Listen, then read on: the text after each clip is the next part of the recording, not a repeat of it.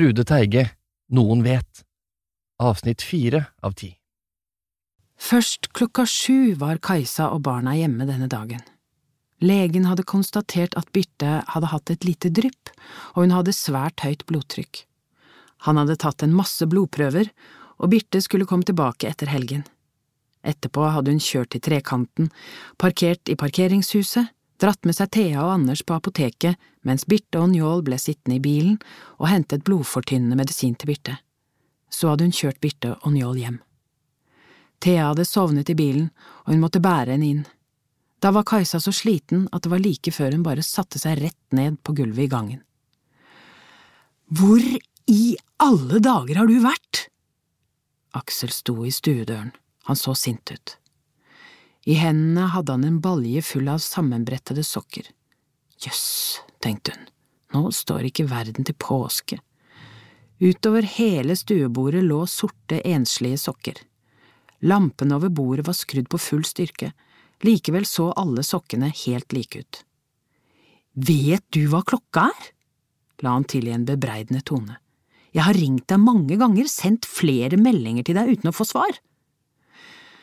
Mobilen er ladet ut, svarte hun trøtt. Men det er snart leggetid for barna, jeg har ventet på dere i to timer, tenkte du ikke på at jeg kunne bli engstelig?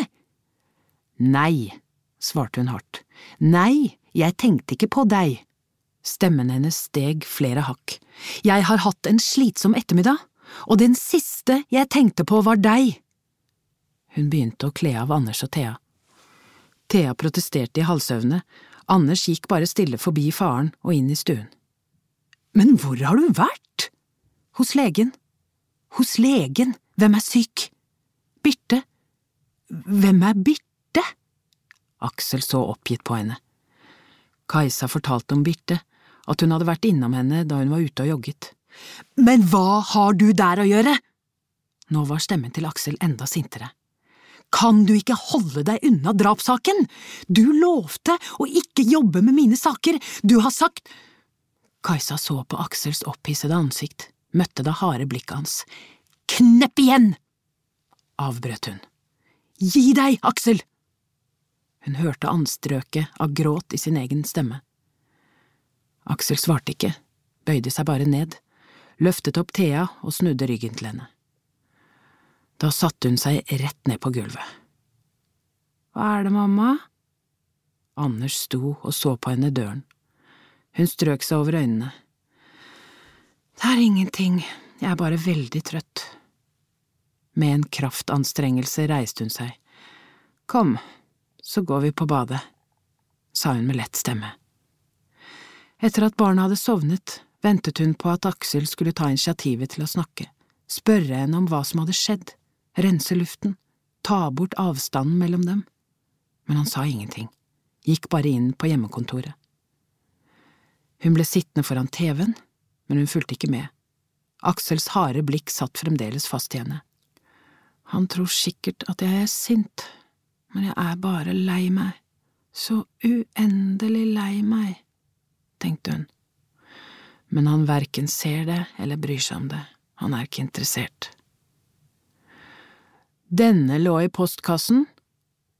Hun var på vei opp trappa for å legge seg da Aksel kom ut fra hjemmekontoret med en konvolutt i hånden. Jeg glemte å gi deg den, sa han. Det sto Kajsa Koren på konvolutten, som var uten frimerke og poststempel, tydeligvis lagt i postkassen uten å gå veien om posten. Hun sprettet opp konvolutten. På arket inni sto det Hva skjedde under krigen? Kajsa dumpet ned på et trappetrinn. Hva er det? spurte Aksel. Kajsa rakte ham brevet. Du lyver, du jobber med drapssaken, utbrøt han opprørt. Nei, jeg jobber med politikk. Hvorfor får du dette da? Det vet vel ikke jeg. Kajsa reiste seg brått. Er det alt du har å si, alt du er opptatt av? Tror du det er behagelig å få et slikt brev, kanskje? Du må da skjønne at… Aksel, jeg orker ikke, avbrøt hun ham. Han sukket. Beklager, jeg blir bare litt engstelig. Mener du å si at innholdet i brevet sier deg noe? Hvorfor kobler du det til drapssaken? Han svarte ikke. Er det noe i fortiden deres dere jobber med? fortsatte hun. Å ja da, jeg vet du ikke kan snakke om saken, men det kan du i det minste si meg, så jeg vet om dette er noe å bli bekymret for. Jeg liker det ikke. Hvorfor? Aksel så tankefullt på henne. Den som har sendt det, vet noe om ekteparet, om fortiden deres. Og hvem vet det? Drapsmannen, for eksempel, sa Kajsa. Forstår du hvorfor jeg blir engstelig for at du får dette brevet?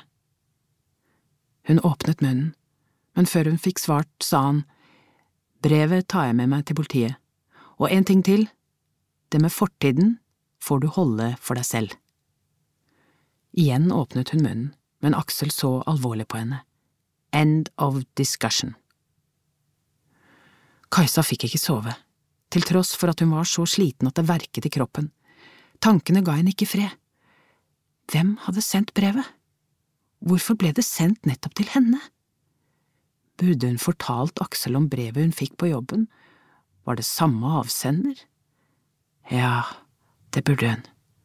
Nei, hun orket ikke. Aksel ville bli enda sintere. Hva skjedde under krigen? Brått slo det henne. Godø. De het Godø. Et sunnmørsnavn, et navn fra Godøya. Hun ville ringe noen der, kanskje en lokalhistoriker som kunne hjelpe henne å finne ut av om de opprinnelig kom derfra. Aksel trengte ikke å få vite noe om det. Lå ikke Godøy i Giske kommune, tro, rett utenfor Ålesund? Jo visst, hun hadde vært der en gang, sammen med foreldrene, søndagstur til Alnes, denne lille bygda med det store fyrtårnet.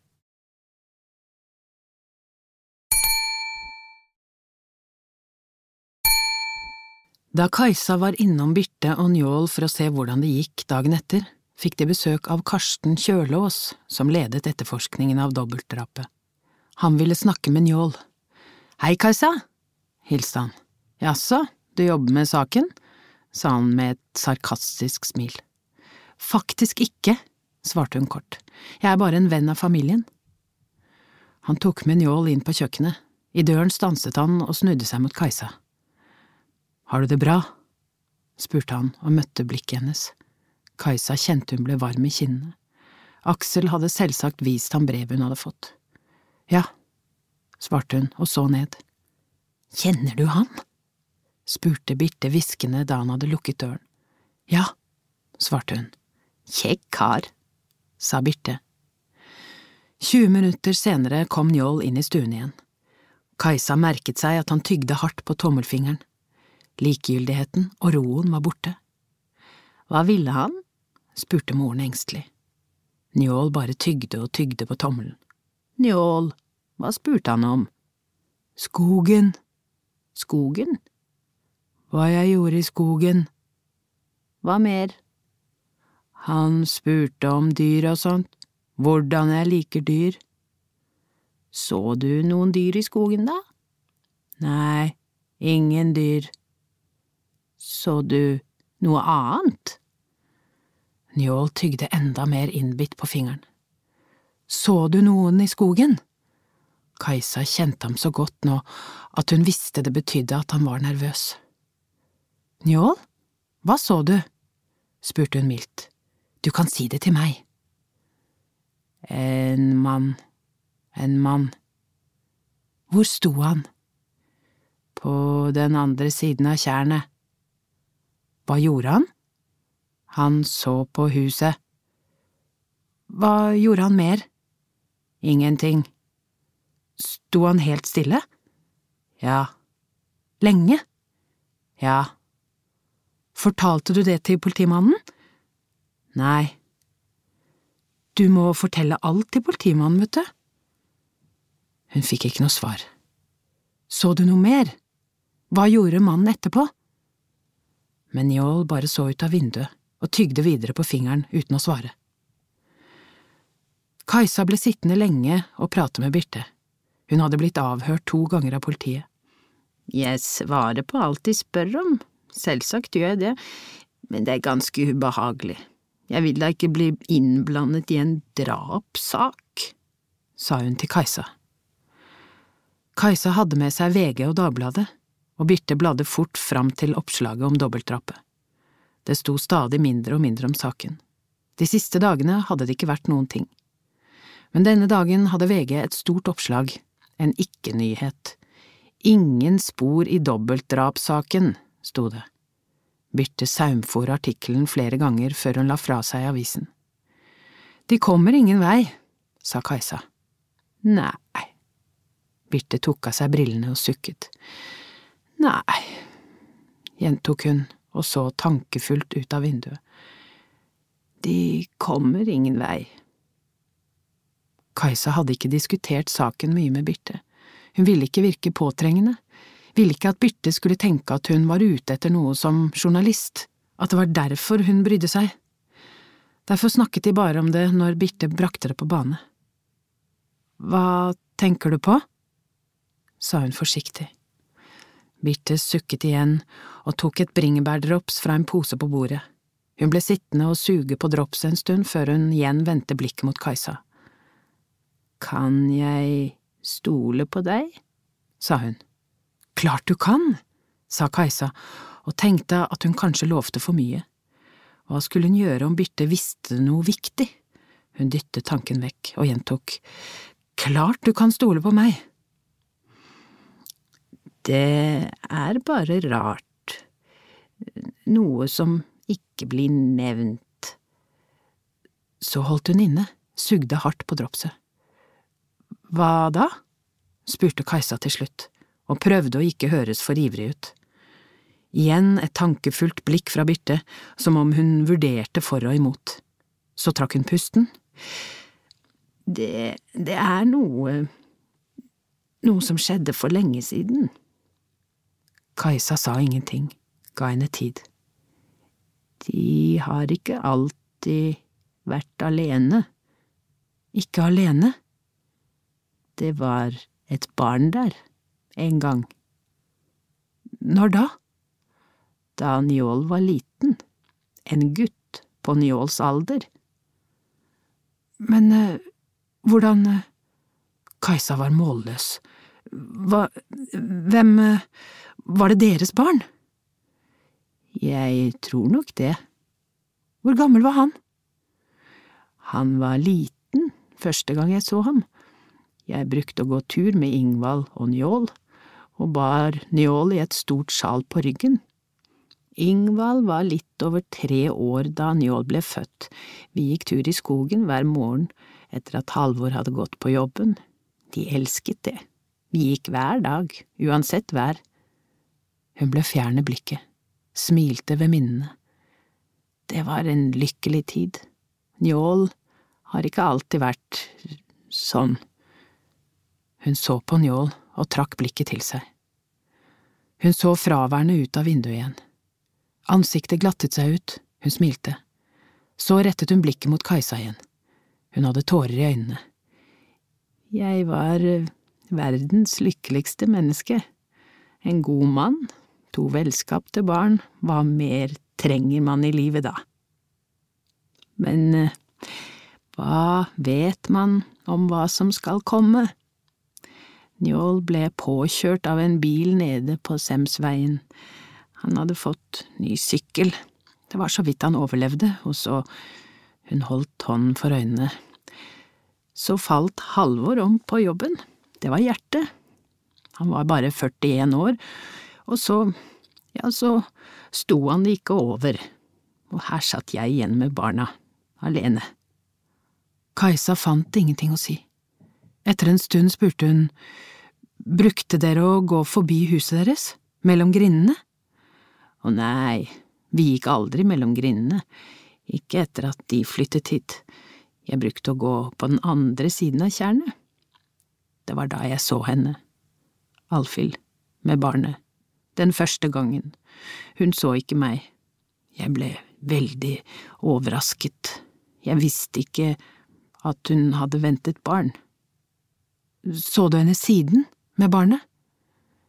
Ja, flere ganger. Hvor gammel var gutten siste gang du så ham? Seks år, tror jeg. Hva skjedde? spurte Kajsa, men Birte svarte ikke. Kan du ikke sette på kaffen? sa hun.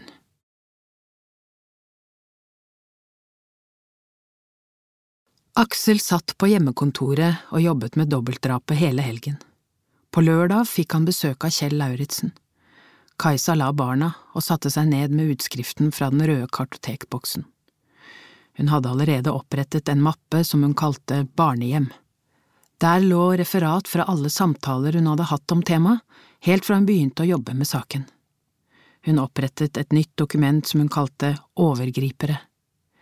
Hun gikk gjennom navnene, til sammen 15 stykker, to av dem var kvinner. Hvordan kunne det være så mange? Jacob Sperre kunne da virkelig ikke ha møtt alle sammen. Min hobby, hadde han kalt det. Han måtte ha samlet inn materiale fra flere steder enn der han hadde vært selv. Hun begynte med dem som ikke lenger var i live, i alt ti. Etterpå førte hun opp de fem som fremdeles var i live. Hun kjente ingen av navnene. Kajsa koblet PC-en til skriveren, skrev ut dokumentet og tok det med seg på terrassen sammen med en kopp vin. Det var en stjerneklar kveld, men vindfullt og kaldt. Hun så på gradestokken, null grader. Hun slo på varmelampen på veggen, hentet putene til utesofaen, pelsen og ullpleddet og satte seg i kroken. Hun ble sittende og se utover havet. Månen speilet seg i vannflaten. Hun holdt den første munnfullen med vin lenge, lukket øynene, la hodet bakover og trakk pusten dypt. Hva skulle hun gjøre med opplysningene? Grav i det, hadde Sperre sagt. Hun kunne ikke godt buse på noen av disse menneskene og konfrontere dem med det hun visste om deres fortid. Hun var sikker på at ingen av dem ville stå fram, som det het innenfor hennes yrke, og fortelle om overgrepene. Det ville vært litt av et skup. Kanskje noen ville gjøre det anonymt. Uansett ville det ta mange uker å ta kontakt med dem, og tanken på at et slikt arbeid kunne resultere i ingenting, var nedslående. Det som er verre, hadde Sperre sagt. Hva var verre enn overgrep mot barn? Døden, tenkte hun. Bare døden. Hun så på listen over de døde. Ingen navn hun kjente der heller. Hun reiste seg og hentet PC-en, koblet seg på det trådløse nettverket. Hun gikk inn på Google og skrev inn det første navnet på listen over dem som var døde. Ingen treff. Neste navn. Ingen treff. Slik fortsatte hun. Ingen treff. Hun tastet inn Inge Sorte. Treff. Hun klikket på lenken og seg tilbake i sofaen. Inge Sorte sto på listen over uoppklarte drapssaker. Hun strakte hånden ut etter vindkoppen, fraværende, med blikket festet på skjermen og leste. Inge Sorte, 47 år, født 1945, ble funnet død i sjøen ved Filtvet 2. oktober 1992.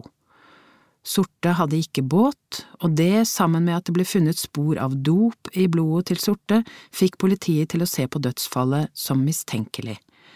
Han hadde vært død i minst tre dager da han ble funnet. Sorte var nylig skilt og levde alene, han hadde ingen barn.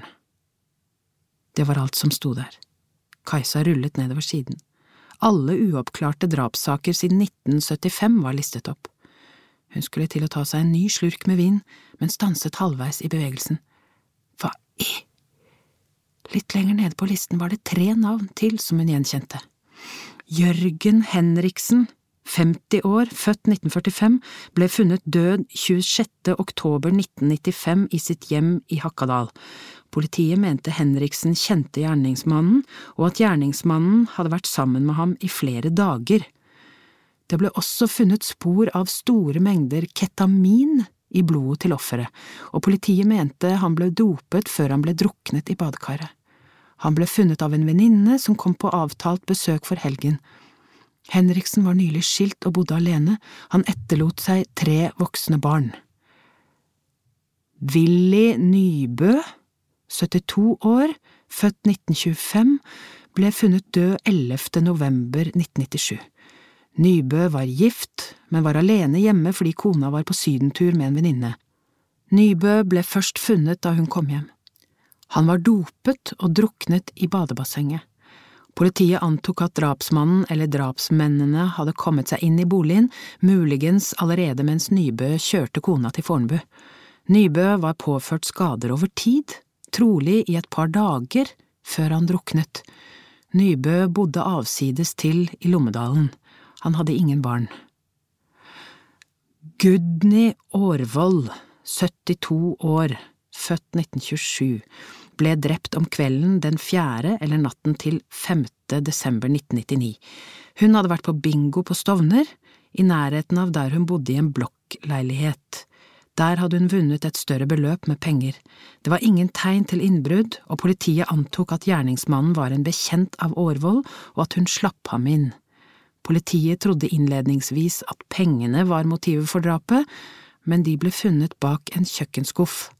Politiet ga ingen detaljer om hvordan drapet ble utført, og det førte til spekulasjoner i media om at politiet holdt tilbake opplysninger om spesielle omstendigheter rundt drapet som bare drapsmannen kunne kjenne til. Gudny Aarvold etterlot seg ett barnebarn. Ett barnebarn? Ikke noe barn? Kajsa hentet fram en tipakning Barkley fra skapet. Hun husket saken nå. Den hadde fått stor medieomtale. Akkurat da hun tente røyken, sto Aksel i døren. Røyker du? spurte han i en anklagende tone. Nei, sa hun og blåste ut røyken og stumpet sigaretten. Hun følte seg som et barn som var tatt på fersken. Kunne han ikke bare overse noe han ikke likte, for en gangs skyld? Barna sover, så du slipper å si god natt, sa hun surt og kunne ikke dy seg, og det henger nystrøkne skjorter i skapet ditt. Kan ikke du prøve å være litt hyggelig, for en gangs skyld? Han holdt inne. Eier du ikke finfølelse? la han surt til, som et ekko av hennes tanker om ham. Kajsa sukket. Jeg orker ikke, tenkte hun, kan han ikke bare gå og legge seg? Hva er ketamin? Kajsa tok det mest nærliggende for å snu samtalen. Dopet ned, hadde hun tenkt mens hun leste. De drepte var dopet, den eneste fellesnevner hun fant ut ifra nettomtalen, men bare i den ene saken var ketamin nevnt. Ketamin? Hvor har du det fra? Aksels stemme var både overrasket og hard, som om han ble provosert av spørsmålet. Kajsa stusset. Hva galt hadde hun sagt nå, da? Hvor har du det fra? gjentok han alvorlig. Du sa at du ikke jobbet med drapssaken, du lovte meg. Det var da hun skjønte det. Dobbeltdrapet. Sett deg, sa hun. Jeg skjønner at du tror det har noe med saken din å gjøre. Det har det faktisk ikke. Det er noe annet jeg jobber med. Aksel så på henne, resignert, forsto at han hadde røpet mer enn han var villig til å innrømme. Hva da? Spurte han og strøk seg trøtte over øynene. Denne gangen var det hun som svarte. Det kan jeg ikke snakke om. Han smilte litt ved gjenkjennelsen av sine egne ord. Det er min replikk, sa han med et skjevt smil. Det handler om barnehjemssaken jeg jobber med, sa hun, og smilte hun også. Ja vel, ketamin. Han så på henne som om han ikke helt trodde henne. Ketamin er det nye mediedopet, som vi kaller det. Det burde du som journalist tenke over, sa han og satte seg. Medias rolle. Kajsa hentet fram et pledd til ham. Et glass vin? Nei, jeg burde ikke, jeg skal jobbe i morgen også, sa han. Men et lite et, kanskje, siden det er lørdag. Hun hentet et glass til ham og spurte. Mediedopet, hva mener du med det? Media skaper trender, også innen dopmisbruk. Ok, fortell. Omtale i massemediene fungerer som en smittevei for nye stoffer blant stoffmisbrukere. De første oppslagene om ketamin kom i 1999, Da var stoffet på full fart inn på det norske stoffmarkedet. Flere rusinstitusjoner på Østlandet bekreftet at ketamin hadde fått innpass i norske ungdomsmiljøer der det kalles K, K eller Special K.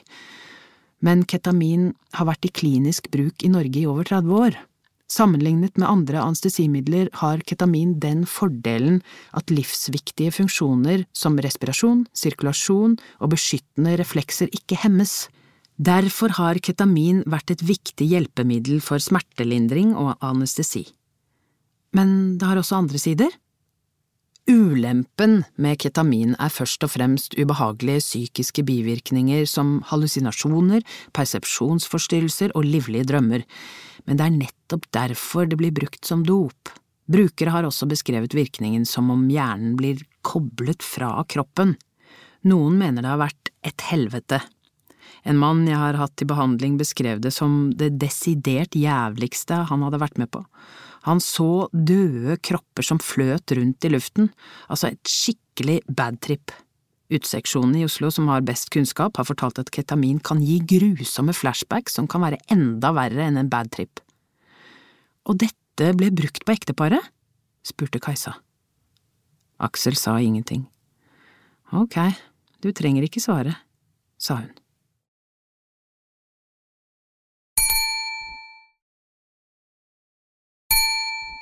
Da Aksel hadde gått og lagt seg, søkte Kajsa på ketamin på Google og fant flere nettsider der ungdommer beskrev sine erfaringer med bruk av stoffet.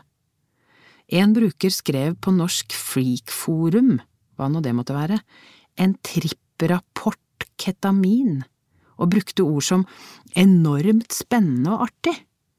Jeg skjønner mindre og mindre mens jeg gradvis smelter sammen med madrassen jeg ligger på, jeg føler også at kroppen beveger seg bort fra hodet, ikke hele kroppen, men alt unntatt den venstre armen hodet hviler på og fra halsen og oppover, alt i alt noen utrolig digg opplevelser, avslutter vedkommende sin beskrivelse av ketaminrusen.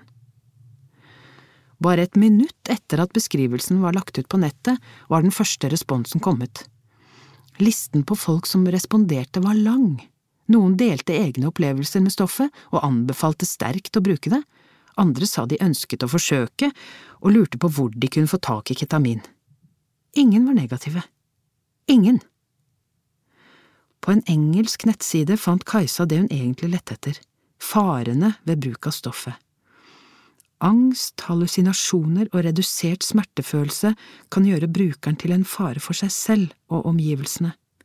Ketamin er særlig farlig sammen med alkohol, kan påvirke åndedrett og hjertefunksjon, kan forårsake høyt blodtrykk, kan medføre panikkangst, ved høye doser kan man bli kvalm, kaste opp og bli kvalt i sitt eget oppkast.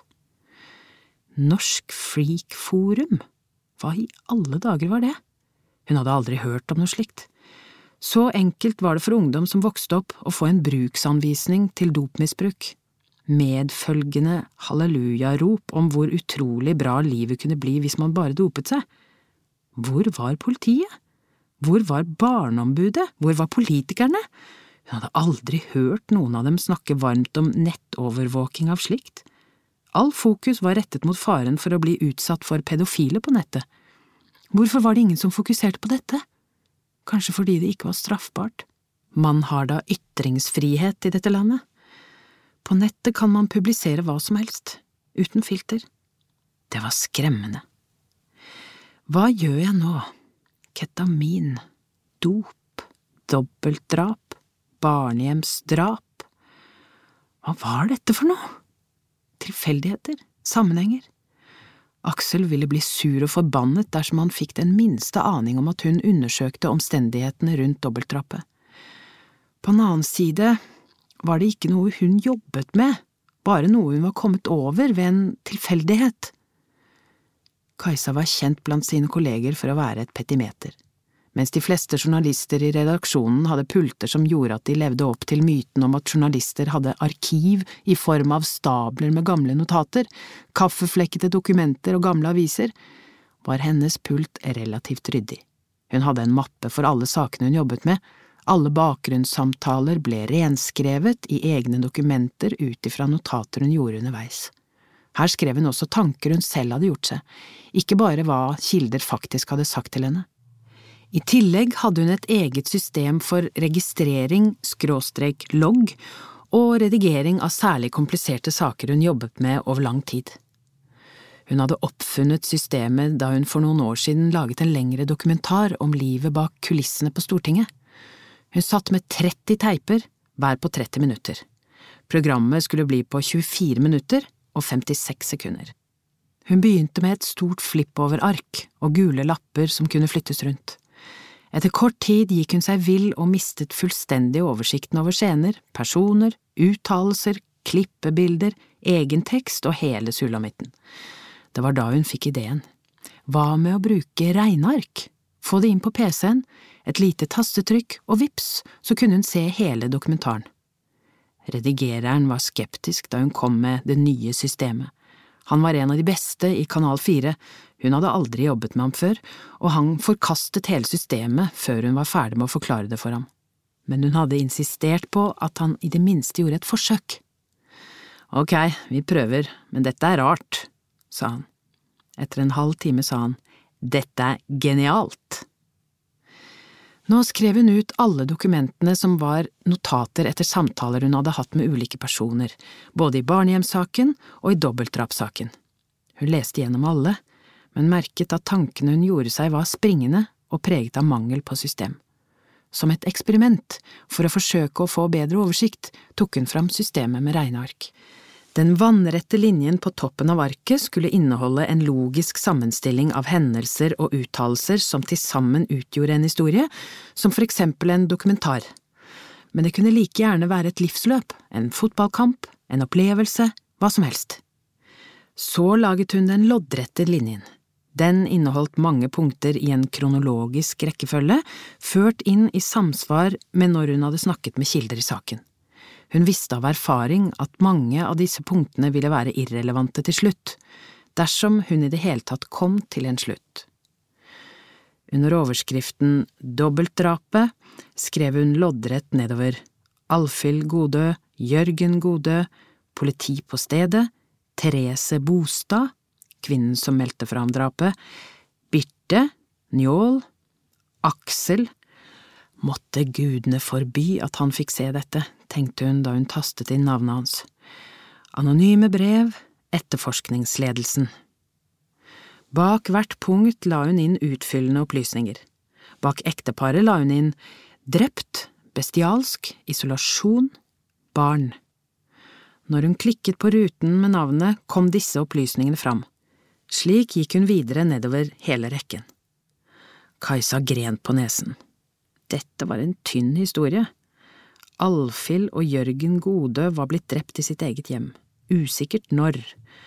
Drapene var bestialsk utført, noe var spesielt med likene.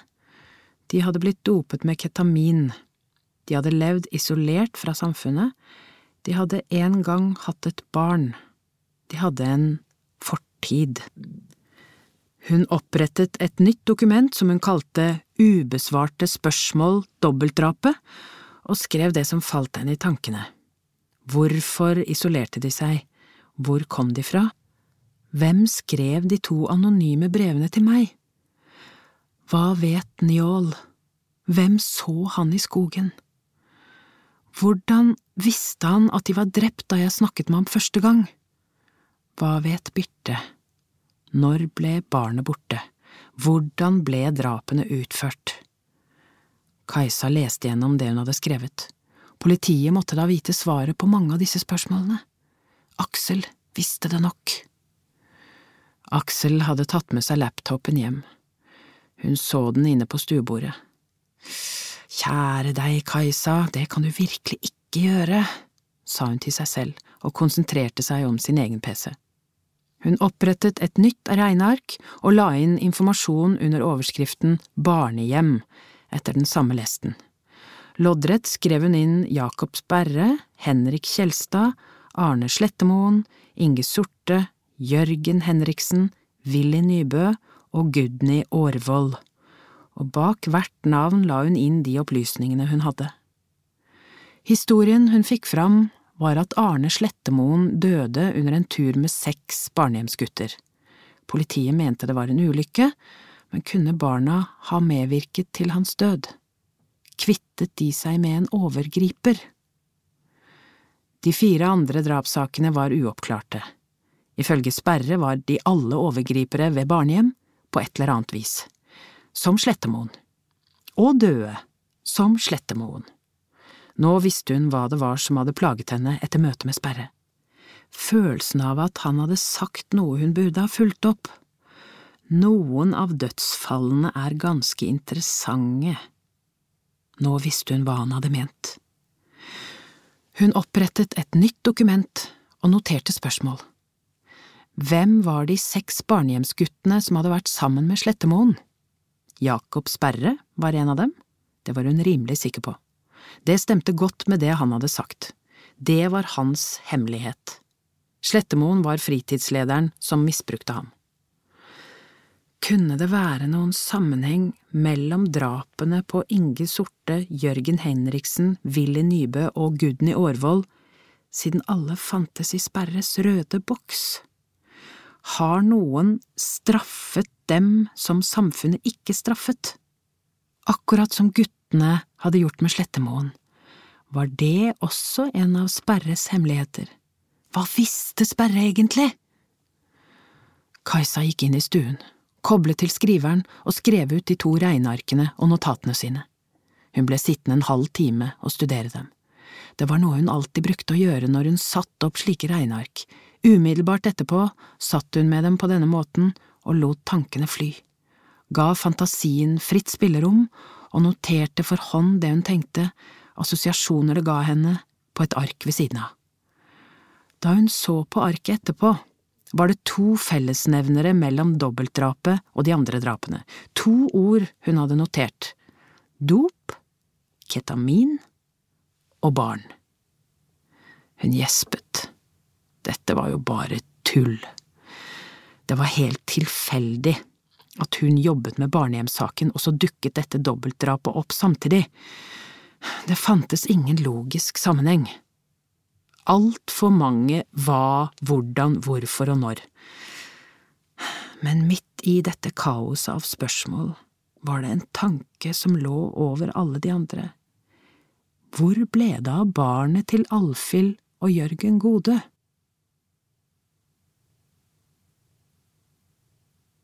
Han følte seg nesten som et nytt menneske. For første gang på lenge våknet han uthvilt om morgenen ikke hver morgen, men oftere enn før. Jobben hadde alltid vært det viktigste i livet hans. Det var der han var et helt og fullt menneske. Et menneske som utrettet noe som hadde betydning. Jobben hadde vært hans redning. Uten den ville han aldri ha overlevd. Men nå var den ikke bare noe som var nødvendig for å overleve. Han hadde alltid gitt alt på jobb, fordi det fikk ham til å føle seg god. Nå følte han at livet hadde fått en annen mening også.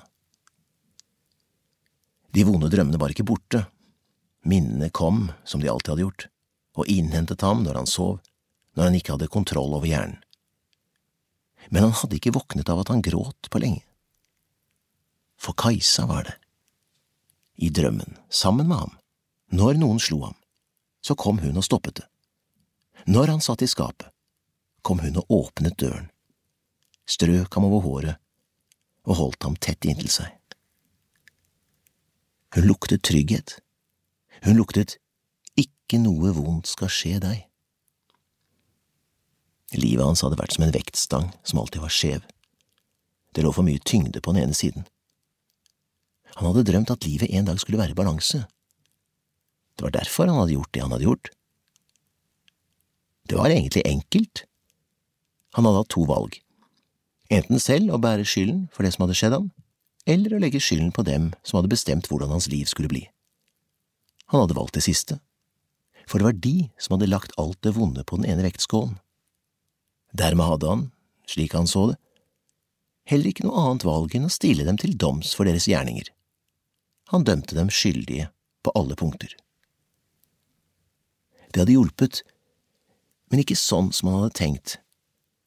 Det hadde ikke i seg selv gjenopprettet balansen, men det hadde likevel skjedd. Hadde han ikke utført det siste oppdraget, hadde han ikke fått roen tilbake, for det var det som hadde knyttet ham til Kajsa. Hun kom og la noe nytt på den andre vektskålen, noe stort og tungt. I de første drømmene, de som var annerledes enn før, hadde han vært barn igjen, og hun hadde gitt ham omsorg og kjærlighet, som en voksen omsorgsperson. Fremdeles var drømmene som oftest slik, men i det siste hadde det hendt at han hadde møtt henne som den han var i dag. Han hadde fortalt henne om alt det vonde, som den første hadde hun fått vite hvem han var, hva han bar på, og hun hadde sett på ham med de brune øynene, rakt ham hånden og grått for ham. Tenk at noen følte så sterkt for ham, med ham. Det var jo bare en drøm, men når han tenkte på det i våken tilstand, trodde han sikkert at det ville være slik hvis han virkelig fortalte henne det. Mange ganger om dagen tenkte han på henne. Det var så godt å ha henne hos seg. Hun var som en skytsengel. Særlig om kveldene, når han var alene og stadig måtte kjempe mot hatet, bitterheten, raseriet over det menneskene hadde påført ham. Da tenkte han på henne, til han ble rolig. Aller best likte han å stå ved terrassen hennes, når hun satt der alene om kvelden. Det hadde vært tilfeldig at han oppdaget at hun brukte å gjøre det. En kveld hadde han kjørt til stedet der hun bodde. Huset lå i en blindvei, og han hadde snudd, kjørt tilbake og fortsatt på veien rundt den kålen huset lå på. Han hadde endt opp på en stor parkeringsplass ved sjøen. Han kunne ikke se huset derfra, men tenkte at det måtte gå en sti fra sjøen og opp dit, en sti som folk i området brukte for å gå ned til sjøen om sommeren. Han hadde rett.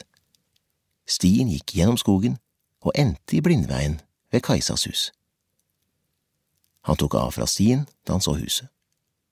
Det hadde en terrasse utover skrenten, og han måtte klatre det siste stykket til han kom til pålene som terrassen var bygd på. Sakte krøp han oppover, og så over kanten og inn på den store terrassen. Hjertet gjorde et byks, og han dukket fort. Hun satt på terrassen. Det var det siste han hadde tenkt. Ingen satt på terrassen på denne årstiden. Langsomt hevet han hodet igjen. Kajsa satt i en pels, med et teppe rundt bena og en varmelampe på veggen. Hun jobbet på PC-en, og han kunne se ansiktet hennes tydelig i skinnet fra skjermen. Han ble stående helt til hun gikk inn. Da var han både lemster og frossen, men det gjorde ingenting. Han smilte hele veien til bilen. Han hadde funnet en måte å komme nærmere henne på.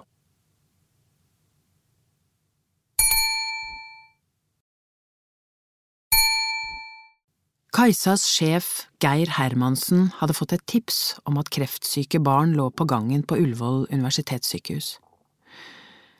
Lenge siden helseministeren har fått kjørt seg, kanskje på tide, sa han på morgenmøtet og rakte Kajsa et ark med utskrift av en e-post. Det var fra moren til en kreftsyk jente på ti år. Hun fortalte at hun hadde tilbrakt de siste dagene bak et skjermbrett mens datteren fikk cellegiftbehandling. Kajsa ringte henne etter møtet, og de avtalte at hun og en fotograf skulle komme til dem på sykehuset i visittiden. Moren var tydeligvis en oppegående dame, og hadde på eget initiativ snakket med en lege som også var villig til å la seg intervjue. Da hun ringte ham, fikk hun bare en telefonsvarer, men la igjen en beskjed om hva det gjaldt, og når hun ville være hos Ingvild, som tiåringen het. Ingvild viste seg å være et funn for en fjernsynsjournalist et sjarmtroll med store øyne, en liten oppstoppernese og ikke noe hår, smilende og tillitsfull og uvanlig god til å snakke for seg til å være så liten. Skal jeg på TV? Kult! Intervjuet med henne ble strålende, og Kajsa så klart for seg at hun kunne bruke henne som hovedintervjuobjekt, det bærende elementet i saken. Vanligvis vil det være foreldrene eller helsepersonell i slike saker med barn, men denne jenta var verbal nok til å få hovedrollen. Midt i intervjuet med moren ble Kajsa var en skikkelse som stilte seg opp i utkanten av synsfeltet hennes. Da hun var ferdig, viste det seg å være legen hun hadde prøvd å få tak i. Nå blir du stjerne, det er jeg sikker på, sa han til Ingvild. Gimme five. Den lille jenta slo mot hånden hans. Legen snudde seg mot moren. Prøvene er fine, dette går bra. Så rakte han Kajsa hånden. Og du er journalisten fra Kanal 4? Pete Howick, presenterte han seg. De gjorde intervjuet med legen på kontoret hans. Kajsa la merke til at han ikke hadde noen bilder av familie, kone eller barn på pulten sin. Hun hadde vært inne på mange legers kontor, de hadde alltid familiebilder, særlig av barn som badet om sommeren og en smilende, sommerbrun kone. Kanskje han er gift med jobben, tenkte hun mens fotografen rigget opp utstyret og de diskuterte hvor det var best å plassere dem. Jeg har jo sett deg mange ganger på TV, sa Howick. Du er dyktig. Takk, svarte hun, det tror jeg du også er. Hm. Han så litt sjenert ut. Jeg liker barn. Barn skal ikke ha det vondt. Ingvild har hatt det vondt, men nå går det bra. Han fortalte at det var nettopp derfor hun hadde havnet på gangen. Hun var blant dem som var best rustet til å klare det. De dårligste ligger ikke der. Er det en unnskyldning? Howick bøyde seg over skrivebordet, satte øynene i henne. På ingen måte. Ingen barn, Ingen pasienter, stor eller liten, uansett tilstand, skal ligge på gangen, sa han engasjert. Vet du hvorfor? Kajsa ristet på hodet. Ikke fordi det er for mye bråk der, fordi man må tisse på bekken mens folk fyker forbi, men fordi det sender et signal om at pasienten ikke er prioritert, ikke blant de viktige. Alle er viktige, uansett, enten man skal dø eller reise hjem neste dag for å leve videre. Intervjuet med Howick ble en usedvanlig klar melding til politikerne. Vår jobb er å redde livet til kreftsyke barn. Vi må ta imot alle. Når vi må plassere noen av dem på gangen, er det politikernes ansvar. Det er de som skal sørge for at det finnes plass til alle som trenger oss. Ikke vi. Kajsas sjef fikk rett. Helseministeren fikk kjørt seg. Han var bedt om å komme i studio og kommentere innslaget på direkten. Ankermann denne kvelden var kanalens tungvekter, Tore Abrahamsen. Abrahamsen hadde gjort det til sitt varemerke å kjøre maktmennesker med en hardhet som mange journalister beundret. Han viste ingen nåde, han tålte ikke at intervjuobjektene forsøkte å lure seg unna spørsmålene hans. Han var som en glefsende ulv. Problemet hans var at det av og til bikket over, det virket bare ondskapsfullt, og alt han oppnådde var å skape sympati med intervjuofrene. Abrahamsen var fullstendig døv for kritikk. Tvert imot virket det som om han nøt å være mest mulig slem, ikke bare mot intervjuobjektene, han var også beryktet for å skjelle ut kolleger på en måte som hadde fått mange til å lure på hva som feilte mannen. Denne kvelden var Abrahamsen i sitt ess. Han kjørte statsråden fra skanse til skanse, lot ham ikke slippe unna med å fortelle at regjeringen selvsagt var informert om situasjonen, og at det var mange tiltak som allerede var i gang, snart ville det bli bedre, dette var bare midlertidig. Til slutt fikk Abrahamsen statsråden opp i det hjørnet han ville. Så du er fornøyd med situasjonen, med det som er gjort? Tiltakene som er satt i gang, sa statsråden, men, avbrøt Abrahamsen, er du fornøyd? Det er selvsagt nødvendig å jobbe videre, men… Men er du fornøyd? insisterte Abrahamsen, med at kreftsyke barn ligger på gangen. Nei, fornøyd kan vi ikke si at… Du er altså ikke fornøyd? eh, vel, nei, sa statsråden. Det betyr vel at du har gjort en for dårlig jobb, siden dette er ditt ansvar? Vel, sa statsråden, nå begynte svetteperlene å vises på pannen hans. Vi har jo gjort mye, og snart vil… Ja, avbrøt Abrahamsen igjen. Det har du forklart. Spørsmålet er om, siden du ikke er fornøyd, og siden det er ditt ansvar, om du har gjort en for dårlig jobb. Jo, det er eh, selvsagt mitt ansvar, jeg… Takk til deg, avbrøt Abrahamsen og snudde seg mot det andre kameraet for å gå videre i sendingen. Dagen etter ringte Howick til Kajsa, han var svært fornøyd med reportasjen. Han fortalte at ledelsen ved sykehuset hadde skjelt ham ut for hans mangel på lojalitet. Departementet har sikkert ringt og skjelt ut dem først, smilte han. Så da måtte de skjelle ut meg. Utskjelling må delegeres, vet du, men det gir jeg blaffen i, sa han og lo. Howick var en lege Kajsa kunne like. Hans rørende omsorg for pasientene, hans udiskutable evne til å kommunisere med barn, hans uredde holdning overfor dem som satt med makten over ham. Dessuten hadde han sikkert mange pasienter med historier som kunne bli gode reportasjer. En god kontakt for en journalist. Har du andre saker, noen jeg kan følge over tid, for eksempel? spurte hun.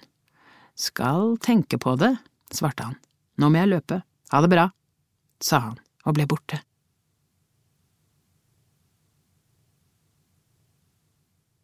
Howick ringte henne igjen dagen etter. Han hadde spurt foreldrene til en åtteåring han hadde som pasient om de kunne tenke seg å la Kajsa følge behandlingen av datteren. Det er jo ikke sikkert det blir en gladsak, men jeg har en god følelse, sa han og la til at Kajsa kunne gjøre opptak allerede samme dag. Hun diskuterte med Geir Hermansen, de vurderte om det kanskje kunne være en dokumentar, men ble enige om å lage reportasjer som en føljetong på nyhetene. En ypperlig profilsak, en sak folk kan kjenne seg igjen i, som handler om vanlige mennesker. Det er nok av politikere og Statoil-sjefer og den slags i våre sendinger. Dette er akkurat det vi trenger for å gi nyhetene et løft. For ikke å snakke om nettsiden vår, vi kommer til å få sykt mange treff, vi kommer rett og slett til å tjene penger på det, sa han entusiastisk. Vår egen lille, syke nyhetsmaskott. Folk vil sitte klistret til skjermen og følge vår egen Human Touch-serie.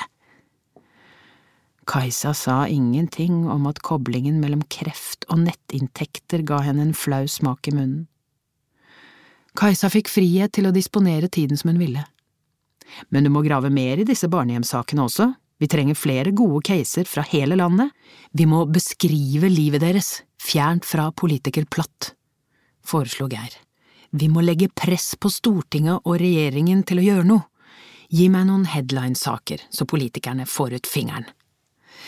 Men hvis denne Sigrid eh, ikke overlever, så er det ikke umulig at det kan bli en dokumentar også, la han til.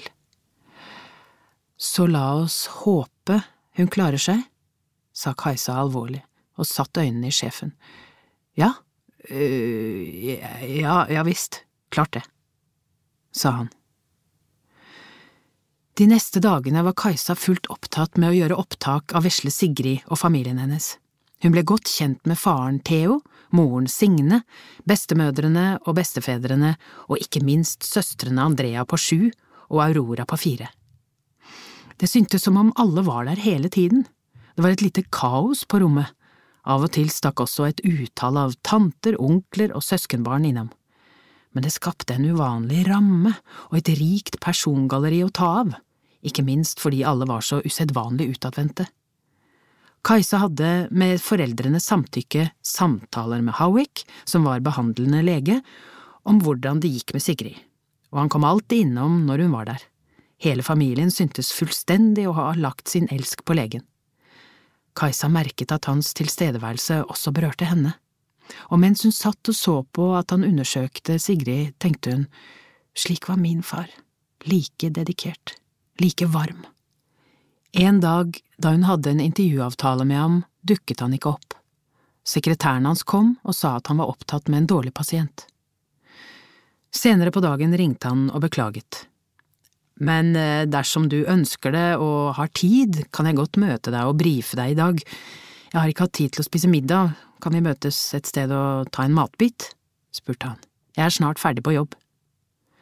De ble enige om druen på Aker Brygge. Det var rart å møte ham uten legefrakk. Du ser så ettertenksom ut, hva tenker du på? sa han.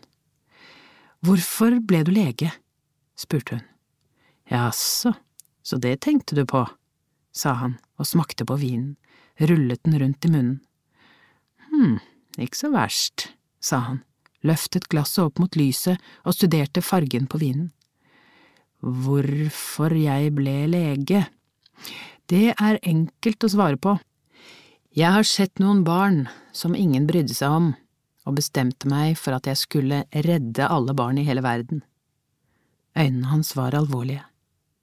Kajsa ville spørre mer, men han løftet glasset og skålte. Skål for Sigrid, sa han. Det ble stille mellom dem, men det var ikke ubehagelig. Howick, sa hun, engelsk? Amerikansk far, svarte han. Er du…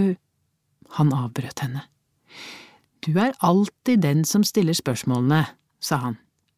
Nå snur vi på rollene. Han så spørrende på henne. Ok, sa hun og lente seg tilbake, la hendene på bordet, fyr løs. Hvorfor ble du journalist? For å forandre verden. Lykkes du? En sjelden gang. Holder det? Ja, det holder. Hva jobber du med nå som kan forandre verden? Kajsa tenkte seg om. Utenom situasjonen for kreftsyke barn? Han nikket. Det var bare én sak. Barnehjemsbarna. Hva med dem? Hun ga en bakgrunn for hvor saken sto politisk. Han nikket interessert mens hun pratet. Men hva kan du gjøre? Fortelle historien deres, sa hun. Fortelle alt. Alt. De personlige historiene, opplevelsene av overgrepene, skape innlevelse, nærhet til historien, stille de ansvarlige til veggs, presse på så de får den oppreisningen de fortjener. De ansvarlige, og hvem er det? Staten? De som lot det skje? De som ikke brydde seg nok? De? Staten? Han smilte ironisk. Hvem er staten? De som skulle følge med, de som var ansvarlige for systemet, og staten må betale så det monner. Gi dem en skikkelig oppreisning. Det er min jobb å sørge for at de blir sett, at deres historier blir hørt, at det har konsekvenser, at de ikke blir avspist med småpenger. Oppreisning, kan noe eller noen gi dem oppreisning? Disse barna, som i dag ikke lenger er barn, men voksne med ødelagte liv, oppreisning, hva slags ord er det? Betyr det at alt det vonde blir borte?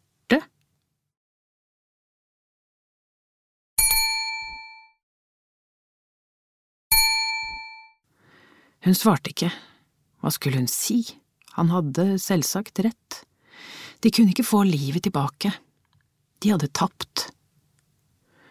Howick snurret på glasset, fulgte det med øynene. Han så ut som om han var langt borte i sine egne tanker. Hun studerte ham. Han så trist ut. Hun ble overveldet av et ønske om å gjøre ham glad fjerne tyngden som hadde lagt seg over ansiktet hans, stivheten i håndens bevegelse av glasset. Hun bøyde seg over bordet. Hvor er det blitt av intervjueren? Skal du ikke stille meg flere spørsmål? Han gned seg på haken og smilte igjen. Fortell meg om deg selv, sa han. Det er ikke stort å fortelle. Noe er det alltid, alle liv er en levd historie, sa han og løftet glasset til en skål. Mann? Ja. Barn? Ja, to. Alder? Fire og snart sju. Fin alder. Ja, og travelt, smilte hun. Kan tenke meg det, ja. Han smilte tilbake. Du har ingen? Dessverre, nei, men jeg jobber mye med barn, jeg blir knyttet til dem over lang tid. Foreldrene dine, lever de? Nei sa han alvorlig, uten å møte blikket hennes. Vokste du opp i USA? Ja, og utdannet der. Han så forbi henne, ut av vinduet, på folk som gikk forbi på Aker Brygge. Hun studerte ham. Hun ble overrasket over øynene hans. Han myste. Han er trist. Han savner foreldrene sine. Han bærer på en sorg, tenkte hun idet han vendte seg mot henne igjen og smilte. Er det journalisten som intervjuer meg? Skulle vi ikke snakke om deg? Fortell meg om barndommen din, oppveksten. Kajsa fortalte at hun bodde på Sunnmøre til hun var ti år. Kan du snakke sunnmørsk, da? sa han med et smil. Klart jeg kan, svarte hun. Få høre, si noe. Hm, eh, hva skal det være? Eh, lat som du er på TV og rapporterer. Han bøyde seg ivrig framover bordet og ventet. Kajsa dro hånden gjennom håret og så direkte på ham, som om han var et kamera, mens hun holdt gaffelen som en mikrofon. Vi er nå direkte inne fra kontoret til statsministeren. For bare en halvtime siden ble jeg innkalla til pressekonferanse, og han er venta hit i plenumssalen i regjeringskvartalet om få minutter.